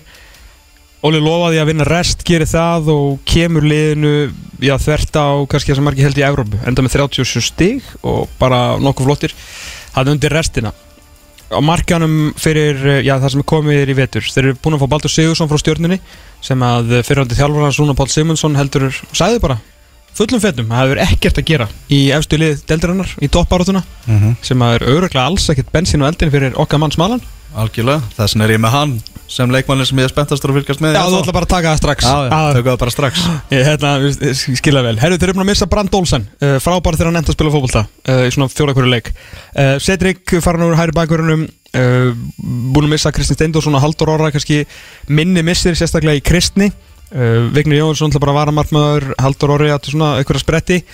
En stóra náttúrulega það að tveir F-fóingar Tveir leikil menn með stóru elli og stóru epsilunni og stóru kái og e og tveimur elli með viðbútt og öllu sko eru hættir. Davíð Þó Viðarsson og Pétur Viðarsson. Bara kar, rísala, rísa karakterar líka sko. karakterar, þetta er bara karaktergæði FH, Sigurvegarar bara hornstitt þessa liðs sem hefur gert það að verkum og okkur liður illa með að spáðum í sjötta seti þeir eru það er stór stórt Þeir endur í neðsta sæti fótbolta.net mótsins. Voru að tapa fyrir Grindavík rétt í þessu. Já, það er svo liðis Já, Já, 2-3 Herðu lendur 3-0 undir, skoruðu bæði mörkin sín eftir að Grindavík var manni færri. Og núna þeir eru svona eftir því sem að leikjónum hefur áliðið í fótbolltimundinu mótinu hafa svona fleiri stóri strákar verið að týnast inn í þetta. Þeir spiluðu náttúrulega leik um daginn þar sem að voru bara þetta var eins og samférsball sko. Þetta var, þetta var alveg, var það ekki móti IBF, þannig að markalösi leikurinn? Það eru sko 2004, 2000, 2000, 2001, 2002 og 2002 þannig að eftir því sem ég segi eftir því sem að leikjunum er fjölgað þá var svona stóru strákunni verið að týnast inn í þetta. Og núna, maður, ég held að svona býð eftir að sjá Holy Moly hjá FH hvernig er Holy Moly hjá í dag? Nú eru, nú eru aðeins einn svona óþektur ungu strákur í liðinu á móti Grindavík í dag og það er Logi Rapp Robertson Þetta hrikalega stert lið á, á papirnum Það er bara málið. Sem er að spila hana leik. Liði í dag, Daði Björn Daniel, Hjörtur Logi, eh, Jónatan Ingi Alli Guðna sem hefur ekki verið að sjást mikið Morten Beck, Þott og Þott, Gummi Kráer eh, Guðmann Þórisson eh, sömulegis að koma inn í liðið, Þórin Jóhann sem er alltaf bara búin að vera leikmaður í þessu liðið í tvö ár og síðan þessi eini ungi strákur og síðan alltaf bara þessi krakkar á, á bekknum fyrir utan Brynjar Óskir. Þannig að þeir mæta með fyrir utan Stífin Lennon, er þetta ekki sterkast liðið að fá það? Ég held að Fljótt á litið. Fljótt á litið? Já og tapa fyrir Grindavík. Þetta var svona leikurinn sem við þurftum að sjá til að sannfara okkur um að þeir eiga bara kannski heim í sjötta setinu núna. Já. Þetta er Stöðuga sögursagnir um að þessi skrítin andi í leikmannahópnum. mjög skrítin og hvort sem Hinnir og að þið- þessir ósáttir og bla bla bla. Og hvers það skiptir eiginlega ekki máli sko máli er að þeir eru komnir í svo mikla svo mikinn spírala neikværi, neikværi umræðu. Skilur hvort hv- hversu mikið af því er satt og samkjant skiptir ekki máli en með hún er í gangi það er svo erfitt að koma sér út úr henni. Mm Og þeir eru ekkert að ná að stoppa þessum ræðin það er nefnilega málið sko. Og hversu mikið nær þetta inn í, inn í liðið, inn í hópin inn í hausinn? Alltaf aðeins meira þegar er enginn Davíð Þór og Pétur til að stoppa þetta skilur og hversu mikið skilur þátt átti þeir í þessu á síðustu líti skilur maður aðeins heyrta sko Pétur aðeins og láti menn heyra á þannig sko. Þannig að það er einhver svona einhver, einhver um fótboltan og þá er bara FH þrátt fyrir þetta lið er bara svona, svona, svona spurningamerki. Þeir ná þú veist þeir eru með 11 cirka bátt Já. En breyttin hjá FH eftir þessar hreinsanir Hún er bara lítil sem engin sko. Mjög lítil. Hún er rosalega lítil sko. Og þeir ætla að treysta á það að allir guðuna Detti einhvern veginn í, í allir guðuna fórum Þó þó þótt komist upp á eitthvað FH-level sem var ekki Ég kallaði það sko hárrónt á síðustu liti Það var allt um mikla trú á ah, uh, Kosta á byggarúslitin og bara uh, slagur Guðmann Þórisson, hvað á hann mikið eftir? Guðmundur Kristjánsson hann að fara veist, vera betur Björn Daniel Sverrisson. Mm. Skilur, það er svo mikið bara mönnur sem þurfa að fara bara að reysa geimi sitt ef FH bara ekki að vera eitthvað stærri í alvörun í ykkur miðjumóði. Akkurat Akkurat. Þannig að eh, já, ég hérna þetta er, er, er spes sko. Ég, Það er bara eitthvað spes í, í, gangi. Já, það er náttúrulega reysa stórt fyrir fyrir að halda Morten Beck uh, guldsmið. Mm -hmm. uh, Guldsmiðurinn þarf að, að heldur betur að standa sig og, og ef er ef Stephen Lennon spilar fyrir FH þá verður það, verður það náttúrulega stórt og mun vinna fyrir að örgulega, örgulega slatta af stigum. En stóra málið með FH-engana right now uh, er, er þetta hérna er bara breytin sko. Og ef við tökum bara þetta lið sem við erum að horfa núna og þá kannski fyrir þessi logi hrappnúti eitthvað og þeir eiga náttúrulega mann inni á með þetta flotta lið sem við erum að horfa núna. Og það er leikmaður svo vast að tala um Mhm. Baldur fucking Sigursson sko. Já. Sko ekki gleyma því. Hva, hversu mikið kemur, hann, kemur hann með inn í þetta? Um leið og Baldur og laus á stjörnunni sagði ég bara hann þarf að fyrir FA mm bara þá vantar Baldur Sigursson hvort það sé eitt ára eða tvö ár skiptir ekki máli. Davíð og Viðarsson er farin þá vantar Baldur Sigursson mm. Óli var sammála því skilur hann? Svona rættið af ykkur hérna aðeins baku tjöldin og tveir- Rosalegt verkefni hjá, hjá Óla Að fara að fá menn til að stilla hausin og, vinna fyrir sig Og gera eitthvað. En svo líka eins og með, með káamennina þeir eiga þeir eru að vera að spila mörgum ungustrákum eru að fara að sjá strákar eins og, eins og Logar Rapp Robertson og, og fleiri. Ég meina þú veist á bekknum í dag fyrir utan Brynjar Áskir það er engin yngri en 2000 mm -hmm. fattur? Og yngs á yngsti er 2004 mótil. Þannig að eru yngri strákar að fara að spila. En um leið eins og aft áðan skilur, um leið og komið yngri strákar inn í þetta þá áttu ekki að fara að gera einhverjar kröfur og að gera eitthvað. En síðan hvenar spilar F á fótboltaleika á hans að vera með þá kröfu að vinna og fyrir henni mót á hans að vera með þá kröfu að vinna? Ég er strax svona spenntur fyrir því hvað við setjum F á í næstu spár sko. Já, maður að sagt sko. Myndum okkur yfir í fymta sæti Þar eru Rúna Páll og Óli Jó Leiðast hönd í hönd með stjörnuliðið. Já, Svona leiðast hönd í hönd Við erum bara að tala sko svolítið um það að stjórnunum er svolítið vanta fannst manni svona einhverja nýjar söguhetjur og, og eitthvað sem ferska vinda í, í leikmannahópin Já. Er það komið? Já. Nei, Nei, nei Nei. bara ég skil ekki hvað er að gera sko. Herru þeir hérna, þeir missa Guðmund Stein uh, eða vildi ekki halda honum eða hvað, Já, það veit ekki alveg já hvað hann er allan ekki þarna Já. Þannig að þeir að fá einhvers konar vara Guðmund Stein í Emil Atlasinni Mm. sem að vissulega skoraði nokkuð mörg fyrir HK og svona aðeins eitthvað detti í eitthvað smá gýr en hefur nú ekki verið svibrusjón í langan tíma sérstaklega vegna Meiðsla. erverða meðsla, mjög erverða meðsla og langvarandi. Haldur Orri Björnsson ég vil segja þetta áður sko þegar menn er að koma eitthvað aftur í stjórnuna og aftur í sín lið en, en ég er ekkert að búast þú miklu. Ekki heldur. Og sérstaklega það sérlega það sem hann kom jú aftur í stjórnuna sko Mhm. á sínum tíma eftir, eftir hérna aðrunumennskuna þannig að Haldur Björnsson bara þar til hann sýnur okkur eitthvað meira er bara, bara breyta maður held ég sko. Eða, veist, ég veit það ekki, ég, ég ekki, veist, hann er ekkert að fara eitthvað að hýfa þetta lið eitthvað upp sko. Mm. og síðan bara Björnberg Bríðir sem að maður hefur heyrt að þeir uh, allir að að reyna að koma aftur á lán. Já, er að- ekki, ekki myndinni ekki, ekki, ekki myndinni ja, og, og síðan voru þeir að fá eru konum með nýjan nýjan varamarkmann eftir að Guðjón Orri fór og Vignir Jónsson kom frá fá þannig að Stjarnan er stjarnan já, stjarnan er stjarnan og, og sko veltan á leikmannahópnum er ekki mikil. Manstu hvað Rúna Páll sagði hérna við okkur um daginn? Við vorum að tala um eitt um hennan hóp og hvað væri hérna svona lítið að lítið verið að koma inn. Mm. Var ekki að tala um unga leikmannina Já. Ok. Uh, Ef við taka bara setna leikin uh, Er ekki stjarnan Já. í í gangi núna Leikunum þriðastði Já. Í, í punktum viðmótinu mm Já, uh, það er engin ungu leikmar Já. Nema Sölvi Snær Guðbergsson. Ég veit hann er 2001 mótil Og hann er ungur sko En hann er bara að fara að spila svo mikið. Mhm. að Þetta er bara geggjaða leikmaður. Þetta er leikmaður sem ég er spenntastur að fylgjast með í stjórninu það er Sölvi Guði Bergarsson sem Já. að og bara, ég, ég, ég kalla því svona að taki svona, svona ákveða sjálfur, nú ætla ég að vera bara líkilmaður í þessu liði, taki meiri ábyrð og, og bara springi almennlut Sást henni í svona skagaleik? Ég var ekki Það sem var alveg verða Þetta er það geggjaður leikmaður sko. Ég held að það verið En hann er búin að eiga moment á þessu prísi sem bara veist, Bæng sko. Já. Herru Stjarnan Grindavík, bara svona að því að ef að stjórnum er eitthvað pæli því að unguleikmenn er eitthvað að fara, fara að spila mikið og það eigi að vera breytan og það eigi að vera svona hérna, dýnamítið í raskæti á þessu stjórnuli ok? Lokaleikurinn í reilunum tap fyrir Grindavík 3-2 það er einn leikmaður sem heitir Ungur Sest, sko, það er Sölvi Snær aftur 2001 model. Yngsti maðurinn fyrir aftan hann er Ævar Ingi 95 og Ævar Ingi er náttúrulega bara established í þessu deild. Sko varamennir sem koma inn á eru síðan bara veist, Halldór Orri og Emil Atlasson og, og Björnberg Bríði og. Skilur, þetta bara- það er bara það er 1 er 1, 2003 mótil á bekknum í þessum samanleik sko, ég veit ekki hvort að annar flokkur hefði verið að spila eitthvað þannig en það er allan, ég er ekki að sjá þessa ungu stráka veist, Óli Valur var að spila þarna líka um daginn sko, sem er annar strákur sem að stjórnumenn eru spenntu fyrir. En hvað er þessi ungu strákar núna? ef þeir ekki að spila í janúar, þá spila þeir ekki í mæ við höfum hort á allt um mörg Prísisson og sé allt um marga fótboltaleikirni til að vita það ef ert ekki að spila í janúar, þá spilar ekki í mæ það er alveg gefið sko. Og annars er Rúna Páll sagði í þessu vitali Það er það að mótir stjórnuna byggjast á því að liði komist í Evrópu Tókst ekki núna á síðasta tímabili. Mhm. Og bara- þeir eru svolítið að treysta það að bara koma Óla Jó og smá breytingar á leikstílunum þannig að komi smá Óla Jó bolti líka inn í stjórnuliðið og Óli á svona stemning.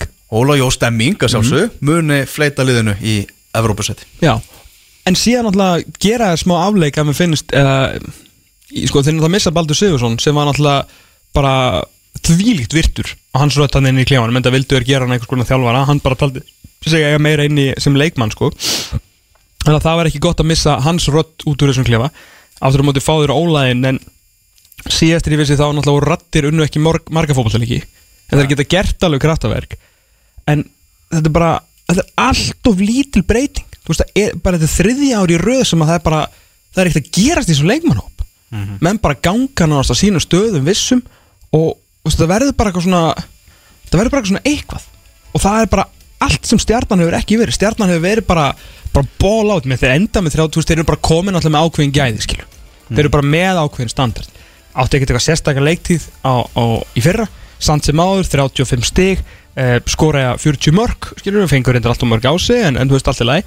Þannig að veist, vinna nýju leiki og eitt leiku til eða frá og þeir hefðu geta verið í, í Európusæti skilur mig. Þannig að veist, þetta var ekkit verri en það en að hverju er það að stefna? Þú veist, eða bara þarna? Þú veist, Evrópa er það að þú veist, vilja að fara í, í teitilbaratu þú veist, ég sé á frekar með svona dragast aftur úr meira með við, þú veist, ef það kemur ekkert meira inn í þetta, inn í þetta fótballtæli sko. Í fjórðasæti, í ótíma bara spáni. Vikes, Eurovikes, byggarmeistara Vikingarnir Fjórðasæti Já, þetta er alltaf algjört bull. Nú, Ákverju, ákverju þetta byggt fótballtaliðinu Fótballtæli? Ríkjandi byggarmeisturum og Algjört bull Nei, nei, ég hérna sjönda seti fyrra Þetta var, sko vinga voru alltaf voru í fallbaratu það til í 20. umferð á síðustu reyti Mm. uh, 19. eða 20. þeir unnu grindaði og náðu svona loksins aðeins að að fjallaðast uh, fjallaðast fjallaðsfræði en vissulega eru byggamestrar og Og eru bara með nokkra af allra bestu leikmunum í þessari deilt já, þeir náttúrulega hafa verið í basli með að fá mörg mörg á sig fá sér 35 mörg á, á síðustu leyti en sko fjandinn hafið að ef að Ingvar Jónsson, Davíörn Atlasson uh, Sölvi Geir Ottisen Haldur Smári Sigursson Dofri Snorarsson eða Alli Barkarsson skilur við með Kára Átnarsson fyrir fram að sig. Mm. ef að þessir sex leikmenn pluss náttúrulega hinni skilur við geti ekki komið veg fyrir að liði fá sig 35 mörg þá er minn og öllum lokið sko. Og svo fram á við með OMK Óttar Magnús Karlsson Já, en þar nefnilega kemur þetta inn með skúfinga Þeir eru með, eins og segja, sterkan kjarna þarna aftast sko. Þeir fá óttar í, í heil prísisson Hann var flottur á móti káir um, Bara svakalega góður uh, í þessu liði sko. uh, Hérna Ágúst Eðvald verður, verður held í betri. Veist, að það eru þessu ungu strákar við taka þetta í skref áfram og þeir náttúrulega sömdu allir til, til tveggja og þryggja ára sem náttúrulega voru góðu fréttinar hérna og eru bara verða áfram að það en það vantar núna einhvern veginn þegar ég kannski hef ég ætla ekki að hafa minni ágjör af varnarleiknu fyrir en ég sé að sem menn geti fara að halda hreinu þegar ég fara að spila sko. Náttúrulega voru ekki að treysta Kára og Sölva í ég er náttúrulega Kára var bæði úti og Sölvi sagði við mig, ég hitt hann hérna á, á Víkingu Káar Hvernig er skrokkurinn á Sölva? Góðu bara, hann sagði bara hann hérna, hann mun aldrei aftur á æfinni stíga fæti á gerðugrassi eilsvöld Núverandi gerur hvað sælva nú er hann í gerðugrass, hann mun aldrei gerst þannig að hérna, þess vegna var hann ekki, ekki með í þessu leik. Það er náttúrulega ekki verið mikið gerst á uh, jú, það er náttúrulega verið smá að gerast á markanum það fengið Helga Guðjóns og svo yngvar í markið og Alla sem er aftur bara svona ungu strákur sem hann kemur til, a, til að stanna sig, en það er talað vel um hann en hann á eftir að gera inn á, á vellinum. Hvað kröf, það er hægt að gera eitthvað kröf til Helga Guðjóns. Er ekki bara svona, sjáum hvað hann getur Jú, ég bara hérna náttúrulega þeir koma inn sko, það sem ég ætla að fara að segja núna um, um sóknarleikin Mm. er það að það er náttúrulega engin Guðmundur Andri. Þannig að köntunum núna móti K.R. voru Allir Hafn Andrason og Nikola Hansen. Og mikill nýkomaður gefur þessu liði alveg helling sko, drulludölur og, og seglarinn mörgum og allt það. En það vantar svona þú veist annan strækir á kantin sem að Guðmundur Andri var. Að mörkin komið svolítið af öðrum kantinum. Og þeir, sérna, þú veist, eru allan ekki að gera það þarna síðan þegar það komið skiptingar að þá komin Örvar Eggertsson sem er svona meira bara að hlaupa út jöflast en ekki líklega til afreika þegar kemur að skora uh, og Haldur Jón Sigurður Þórðarsson sem alltaf verður lánaður á hann á móti byrja sko. það vantar eitthvað þarna meira fram á því eins og segir Helgi er kannski frekja vel í svo Helga komað inn á bekknum þannig að hann er líklega til að skora heldur en hérna, Haldur Jón og, og Örvar Eggertsson sko. veit ekki hvort hann hefur verið tæpur eða eitthvað en það vantar eitthvað það vantar þarna, fram á því til, að skora ykkur mörg og, og óttar fái, fái ykkur að þjónustu. Þú veist það vantar einhver, einhver, það vantar klálega alvöru gæja öðru hverju megin á kantinn ef þetta liða allar sér veist, ef að Arnar í alvörun allar berja sem Íslandsmeistara titilinn sko, að þá verður hann að fá einhver, einhverja neglu þarna á annarkot kantinn sko, einhvern starter. En það verður gaman að mæta á heimavöll Hamingjunar. Það er alltaf gáðan Það er alltaf gaman svo leikmaður sem ég er spenntastur að sjá í vikingsliðinu Það er Ingvar Jónsson, markmaður Og hvort að hann á að, að, bæta þennan þátt sem varst að tala maður sko. já, klálega sko uh, Í þriðja sæti Í ótímabæru spáni Nú vindum við okkur í Kóbóin Breiðablík er spáð Þriðja sæti Í deildri Óskar Rapp Þorvaldsson, náttúrulega mættur með sinn bolta sem að uh, hann hefur svona verið að þetta inn þeir, þeir hafa verið að æfa eins og algjörir vitleysingar sko. Já. þvílíku vetur fyrir leikmann Breiðabliks og nú er bara að halda dampi alveg fram í, fram í mót. Tölur náttúrulega um að fríkaða leik hérna móti skaganum í, í úslitaleg fótbolta.net mótsins það er einhvern veginn þannig að þetta kerfi það verðist bjóða eins upp á það að það geti dottið í eitthvað svona rugg af og til sko. Og við sáum það náttúrulega með grótu minna gróta við tapa 7-1 fyrir FH hérna rétt fyrir móti í fyrra sko. Mm Sko, já, algjörlega. Sko, Hák, Háka og IBF náðu náttúrulega samtals að skora eitt mark, sko, sko blíkandi voru búin að spila þrjáleiki mútur netmótinu og fá sig uh, tvö mark áður en að koma að þessari já, þessum farsa sem að var þessi þrælskendili úslitaleikur uh, fótbolta.netmótsins þannig að uh, svona varnarleikurinn hefur verið allan að skjárna þegar þeir voru að bjóða upp á, upp á þarna. En þetta samt eflust víti til varnar fyrir, fyrir Óskar Rapp Þorvaldsson. Það verður bara að segja er sko. þeir voru að spila sko það vantaði Elva Frey Helgason. Mm. Í vörnina. Og byrju vorum að tella þetta upp þegar vorum að undirbúið í gær. Viktor Markinsson Mhm. vantaði sumulegis og um, held annars að þeir hafi bara verið og Robert Dora Já, hvað með ký? Já, hvað með, með kífisulega sko. Að, hérna, en sem að þeir vildu nú ekki mikið nota í fyrra. Þannig að, og Robert Dóra sem var að koma fyrir afturhildingu sem að náttúrulega mittist á ökla með landslið núna fyrir ármót, svona nokkuð ítla en, svona ætti nú að koma inn fyrir mót sko. Þannig að fyrir utan, samt sem áður að stilla upp mjög sterkur liði sko. Og fram á við voru þeir náttúrulega bara nánast með, já bara voru með, með holy moly sko. Þannig að skora tvö mörg hefðu hæglega getað skorað fleiri mörg eða sem ég fór að pæli sko ef að blikar er að alltaf fara að vinna Íslandsmeistaratillin sem að er líklega þeirra markmið um, ég veit ekki betur. Klárlega, það annars þetta tvö röð Já þannig að þeir eiga eins og vorum að tellja upp það vantaði þarna mann, menn af, aftur á völlin Viktor Orri miðvörur, Elva Freyr miðvörur Robert Orri miðvörur í þryggja hafsandakerfi eða venstri bakurur í, í fjóramannalínu fram á við var Brynjólf Darri Viljámsson á bekkin, bekknum Mm. kom inn á og fekk raut restinn fyrir utan Aldurs Fósatan Gunnleif Gunnarsson mm -hmm. tvöðusmótil Mhm. breyttin hjá breyðabliki er engin Mega ekki við skakkaföllum þeir mega nefnilega mjög illa við skakaföllum En hverju hef, hef, Ógeðslega gott Ógeðslega gott byrjunarlið já, já, ekki spurning Já, já. en veistu hverju er alltaf helstu skakaföllin á blikum Hver er það? sölur á leikmönnum Já, rétt að það fara allir bara fyrir, þú veist, kaff og kleinu skilur þeir hafa bara, og sem bara þeirra dæmi, Já, já þeir bara treyst, bara hérna, standi ekki vegi fyrir neinum og bara treysta á næstu sölu og hafa heldur betur fengið cash money fyrir það í gegnum tíðina bara þeirra mótel, flott skilur Mhm. þannig að eh, Það var líka spennandi að sjá hvernig blikarnir skilur munu fara úr sínu leikstíl þegar þeir þurfa að kreist út stig og svona sko já, emitt, emitt sko. þannig að eh, það var, það var hjúts fyrir að fá Oliver Sigurðarsson aftur Algjörlega er, hver er með bandi í blíkonum? Herruðu, sá sem ég er spenntastur að fylgjast með í breyðabliki Já. er búin að vera með bandi í síðustu tveimilegjum ok, Það er Hörskuldur Gunnlaugsson Krulli Gull? Já. Ég veit ekki hvort hann sé orðin nýr fyrirliði hjá, hjá breyðabliki en hann er alltaf búin að vera fyrirliði núna. Og það er bara leikmaður sem að ég geti búist við að verði leikmaður mótsins. Ég held sko Hörskuldur og Gísle Eyjóls bara þessi leikaðferð hjá Óskar Rafni sé bara eins og flýs fyrir rass eh, fyrir þessa, þessa leikmenn sko. Mm -hmm. hann skuldur sko til allra hamingi fyrir breyðablík er hann 94 mótil, hann sagði samt við okkur hann, hann langar við, hann var hérna bara fyrir tömveikum eða eitthvað, Ah. hann langar aftur út. Þannig að hann mun klála stökku og eitthvað eða það er eitthvað semi spennandi. Þannig að, eh, en hann er samt 94 hann verður 26 ára gamall í ár.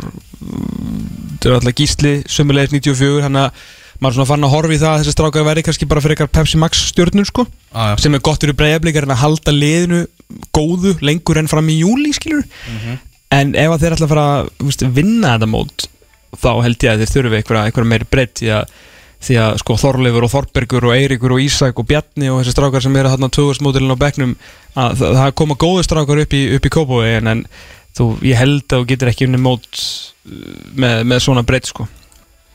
Æ, nákvæmlega. Það verður fróðlegt að fylgjast með þeim. En hvað með aga vandamál breyðablið? Hvað með hausinn á þeim? Fá tvö rauðspjöld í þessum leik Já, og ég eftir alveg svona- trillist við, við sáum þetta í fyrra og náttúrulega Elva Freyr Helgason væri bara trillast á æfingum uh, Rauðarspildi í Víkinni Já, leikurinn í víkinni og, og, og svo kemur þetta einhvern veginn sko Er þetta bara alvöru vandamál sem að, sem að Óskar Rapp þarf að díla við? Myndi það verður skrítið að segja ekki með það sem við sáum og heyrðum í fyrra og síðan í ústöðuleik.net mótsir sko, að því sögður náttúrulega maður skilur að þeir vera reyðir eftir þessa tæklingu sem að býr til hérna vesinni til að byrja með mm -hmm. uh, L.A. er í stemtinu leik nánast óafinnulega en það er samt valla hægt að segja það þegar hann klikkar og svona þetta er náttúrulega bara rauðspjálstækling það er ekkit annað hægt að segja því skiptir ekki máli þú átt ekki að slá menn í að hrinda þeim þannig að þetta er uh, ef það er einhver maður sem myndi halda að geta dæmið þá var það Óskar Raff Þorvaldsson sko. þú, veist, þú, er, þú, veist, þú vannst fyrir hann þegar hann var kannski ekki komin svona var hann í að bróluður og þá er ég vann fyrir hann sko. þannig að uh, ég held að, að ég, ég veit, ég bara, þú veist, maður veit ekki alveg hvað skal ég segja. Vandamál já. Þú veist, við erum bara búin að sjá mikið á rauðarspöldum og heyra mikið til að segja að þetta sé ekki vandamál. Þannig að þeir verða aðeins að fara að taka til í, til í höfðun og segja sko. Hvað þá í þráttur að umgjörn hefur verið glæsileg Mhm. á ústaleiknum og, og blikarnir búin að hérna, við erum búin að sjá líka annar leik hérna Breiðblik Valur í, í bósbyggarnum og það er alltaf, það er öllu til tjálta og gert vel sko. Ah. og þó að ljósin séu á og þetta sé stort þá er í janúar þannig að bara sloppum aðeins af. Já, algjörlega. Herðu, við erum komin í annað sætið og þá lúttulega gefum við upp um leið hvaða leið það er sem að við spáum Íslandsmeistara til Það er rétt þér, þetta er svona eins og í, í fegurarsankjöfunum Já. Herðu, við spáum ríkjandi Íslandsmeistaru K.R. öðru sæti deildarinnar á þessu sinni. Já. Sem hún ekki, ekki amalegt þeir eru komin í úrslitaleik uh, Reykjavík byggarsins einmitt á móti liðinu sem er augljóslega spáð fyrsta setinu. Þannig að það verður bara uppgjör efstu tveggja liðina í ótífum bara spáni á hvað er ekki mánudaginn á Órigavöllinum mm -hmm. við náttúrulega náðum að færa hana völl til að bjarga ferlum leikmanna. Mhm. þannig að uh, já, káringarnir þeir uh, svona mjöttluði svona massi Fergusonuðu sig einhvern veginn í gegnum gegnum vikingana voru einhvern veginn spörku og voru leiðilegir og, og góðir líka sko. Það er rosalegt jöfis þessi vinsla í þessu liði maður. Yfirburða fótboltalið á Íslandi á síðast ári. Algjört yfirburðalið. Uh, Þú veist, ég veit að það er þreytt að tala um þetta og, og, og allt það og, og, En Líkilmennis Óskar Örn og Pálmi Lápn eru samt orðnir árunni eldri heldur en í fyrra já, Óskar Röðn var svo langbæsti maður af allar þess að móti vikingi að það var ekki svona fyndið sko. Ah, Rauðvin Röðvin, ég með þetta er bara eitthvað þetta er alltaf hætti að vera, þetta er bara bull. Ah. ég meina gæin er bara bull. Ah. sko hann verður bara betri ár, það er yngar ágjörð því sko. Ég ætla ekki svona að taka þátt í ykkur umræðum að hann sé hérna orðin ykkur árun eldri. Bara til hamingjum með það, til hamingjum með ammalið Arþór Ingi, mun hann á upp sama? Já, já, Já, já, verður hann jafn góður í fyrra? Já, já, ekki Ok. betri bara. Rúna Já. Kristinsson á þjálfaðalið sko. Já hverju ætlar hann að fara að dala eitthvað núna? Beitir er búin að vera eitthvað metur. Her, hann er búin að vera meður, Gauði Karra var í markinu. Uh, þau vinna ekki Íslandsmeistartillið með Gauði Karra í markinu. Um, það, er alveg, það er alveg klart sko. Var þetta fítn í þessu leik og varði eina vítaspunni mjög lélega vítaspunni, en hann varði hann enga á síður. Sko þeir stillaðu upp uh, nána sínu sterkasti liði, þeir eru með einn ungan sem að þú þekki vel, Stefán Áta Gersson á, á hæri vagnum í þessum leik, 2000 mótil sem að var stórkostlur með hérna, ja, virkilega góður skulum segja, með, með leikni og síðustu leiktíð. Það vant að Finnur Orri var á, á varamannabæknum Ægir Jarl kemur inn á og skorar en annars voru þeir uh, nánast með sér sterkasti lið fyrir utan og það vantaði Tobias Thompson sko. þetta var bara sko Káir spilar eiginlega ekki svona prísisón leiki sko. þeir bara allir leiki fyrir þeim eru bara Káir leikir mm -hmm. það er bara bara svolítið svona sama bara sama er í gangi þú veist, þeir eru taka spretti þar sem er gjósalega yfirspila liðin svo geta þeir varist þeir eru alltaf einhvern veginn nartandi í hælan og öllum þeir eru, getur verið drullu leiðilegir skilur við, þetta er bara svo þetta er svo pró þetta er svo ógeðslega professional og þeirra svona svona eh, litlir svona eh, krútköklar eins og Ágúst Eðvald Linsson og Ellingur Agnarsson er að lendi í ykkur svona tæklingum inn á miðinum út þessu káli verður bara hrættir ah. skilur og það er eitthvað sem að eins og til mér ef við tölum að vikingur er alltaf að fara að vinna eitthvað af því að við vorum, ég var að horfa á hana leik núna bara 15 Ah. þeir alltaf að vinna káir næsti leikur, þú veist, eru eftir að mætast í meistara meistarana og tvisar í sumar, kannski byggar ef þetta er eitthvað svona benchmark á að komast eitthvað yfir þá verða menn aðeins að grípa pungin á sig sko og fara í tæklinganda sko. Mhm. Fattur, en það er það sem að káringandi gera. Ég gera það. Þú veist, þeir gera allt er til að að um vinna það leikin Alltaf að tala um þessi erfiðara að verja titil heldur að vinna hann. Að Rúnari tókst það ekki. Sín tíma, Nei. hann var 11 og 13 hann gæti ekki verið til þinn þannig að það er eitthvað sem hann á eftir að gera og hann saði held ég með mitt í í analum hjá hérna, stöðu sport og hann á eftir, hann er búin að vinna og byggar hann er búin að vinna tvennun og allt það en hann á eftir að, eftir að verja hann til sko. uh, að því sögðu að þá hérna voru að tala um á með stjörnuna að það var ekki, ekki, ekki miklu breytingar á liðinu og það er að sama hjá, hjá Káir því að uh, þeir eru náttúrulega búin að fá stráka aftur á láni frá gróttu, þrjú stykki. Uh, eitt varamarkmann en eini leikmaður sem þeir fengu verður ekki með Emil Ásmunds Emil Ásmundsson sko. ah. þannig að þetta er sama lið og svaka, svaka rútina en öfugt við skilur við eitthvað svona stöðnun eins og við kannski vorum aðeins að tala um stjörnunni og, og mögulega eitthvað liti, ekki, káa, alls ekki því að þeir eru kannski að koma fleiri unga leikmennin að hérna með kálið að þetta er bara, þú veist, þeir e- halda bara alltaf saman standard, skilju Alex Fyrir Hilmarsson spilaði bara sjöleiki Alveg, í gleym, já, fá hann af, svona aftur inn líka. Já, já. þannig að káringarnir verða, verða sko ólsegir og öflugir og það segir mér enginn að að næsti geti kern ná ekki í minnst okkur stegið leikmann sko, á hann mótu byrjar Akkurat. Og kannski eru þeir bara kannski í staðin fyrir að taka einhvern eru þeir bara virkilega að reyna við tryggvara skilju þú veist bara alltaf bara setja fókus á það í staðin fyrir að taka einhvern eitt fyrstir fá hann ekki og svona, það er svona professional hugsun.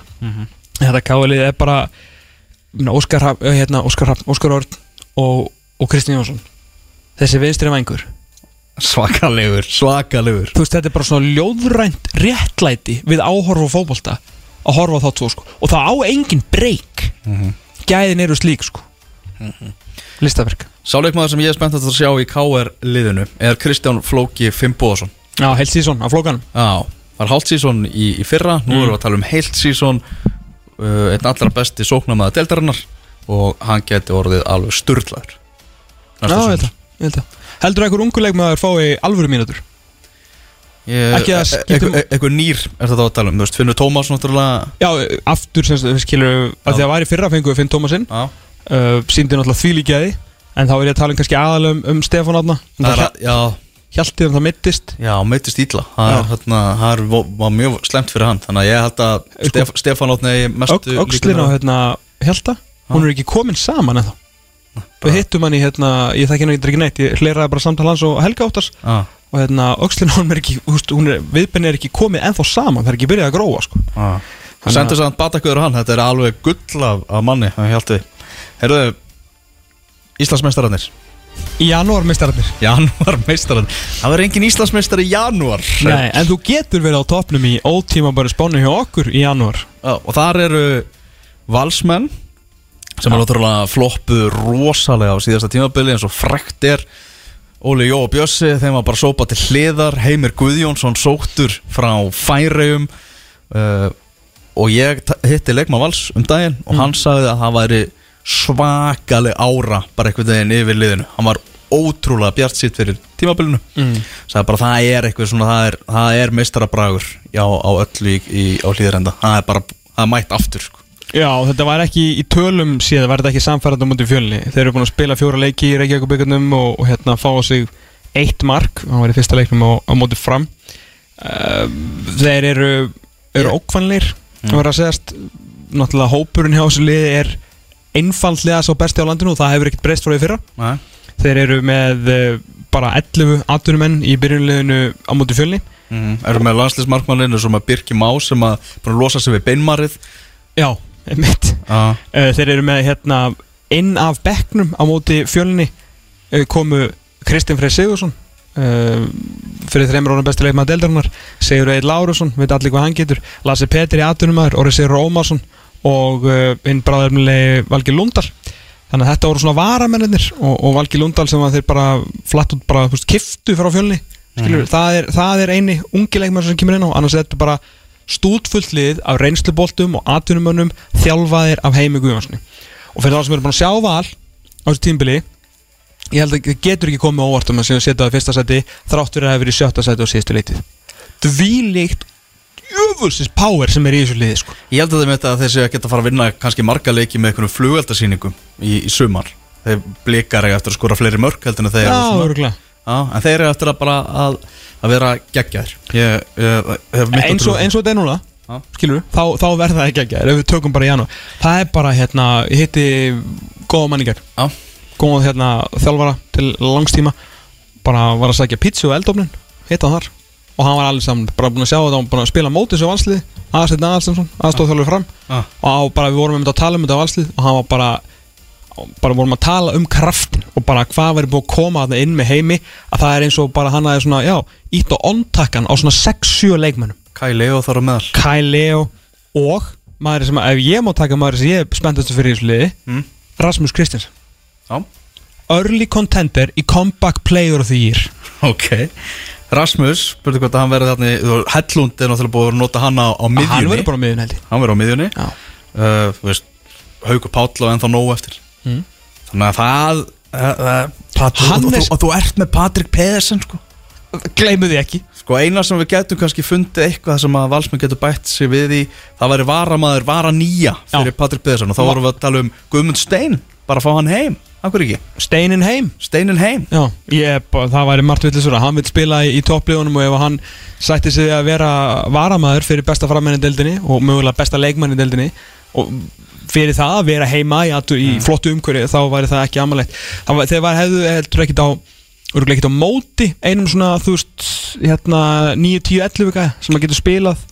Skilja annarkvort 9, 10 eða hérna, já ég meina þá kannski frekar ég meina sko 9, 7, 9, 11 fattur getur spilað á öðrum, kant, öðrum kantinum líka, þeir, þeir megi alveg, megi alveg við því að fá kannski eitt þarna fram á við en Erasmus Kristensen það geggjaður í inkassótildinni fyrir mm. uh, einhver heilstöttasti karakter í þessari deild. Það er nú ekki langt síðan, jú ákveð það er að verða þetta svolítið langt síðan en við vorum að, hann var bara besti miðurinn í þessari deild. Mhm. En hann er á einhverju comeback missjóni sem að ég held að við höfum ekkert séð á þau sko. ég, hann, ég held að hann starta þetta fyrir orra sko. eins og staðan er ekkur út núna fattur Mhm. en orri er náttúrulega frábæð líka en það er heimir með vinstri fót og miðvörð með hvað Rasmus er að dæla mikið að boltum yfir bakurinn fyrir Kæli og hérna að sækja og hérna kemur ekkert óvart að Rasmus svona etsi hérna út orra hvað sem árið við séðan í barðunum við eigið eitthvað, það er annar mál en fyrir að vera með vinstri fót og mann hérna í, í Rasmusi en aðalega bara bara power í þessu lið og gæðin og Og hópur við erum bara að tala um heimi. Breiddin. Þú veist það þarf ekki að tala um heimi og hvað hann ge- getur gert í, í þjálfun. Það er með túfa líka með sér sko. Þetta er alveg, þetta er rosalegt þjálfara teimi sko. Ja, svo ég, það var mjög sniðu til að maður fá túfa Mm. Þú veist, það er svona einmitt flottu þjálfari og náttúrulega stíða þetta niður í, í aðstofa þjálfara starfið sko. og líka bara heimir einhvern veginn. Kristi Freyr, hann er líka Hann er að Ko- ko- koma sér í gang. Komin á Já, það vonandi að hann verði finnir sig í, í sumar og haldist heill bara meira, bara bensín á en eld sem þetta valsliði er akkurat núna sko. Þú veist, það er þetta að telja upp endalust sko. mm.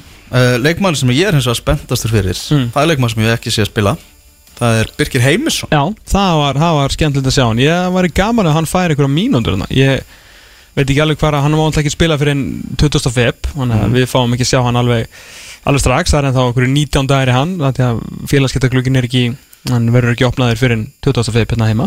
Þetta er vist leikmann sem er með bara allan pakkan Hvað var það, þú veist, hann er með leikskilning Hann er með flottan skrokk, frábæra lög Er hann norðan?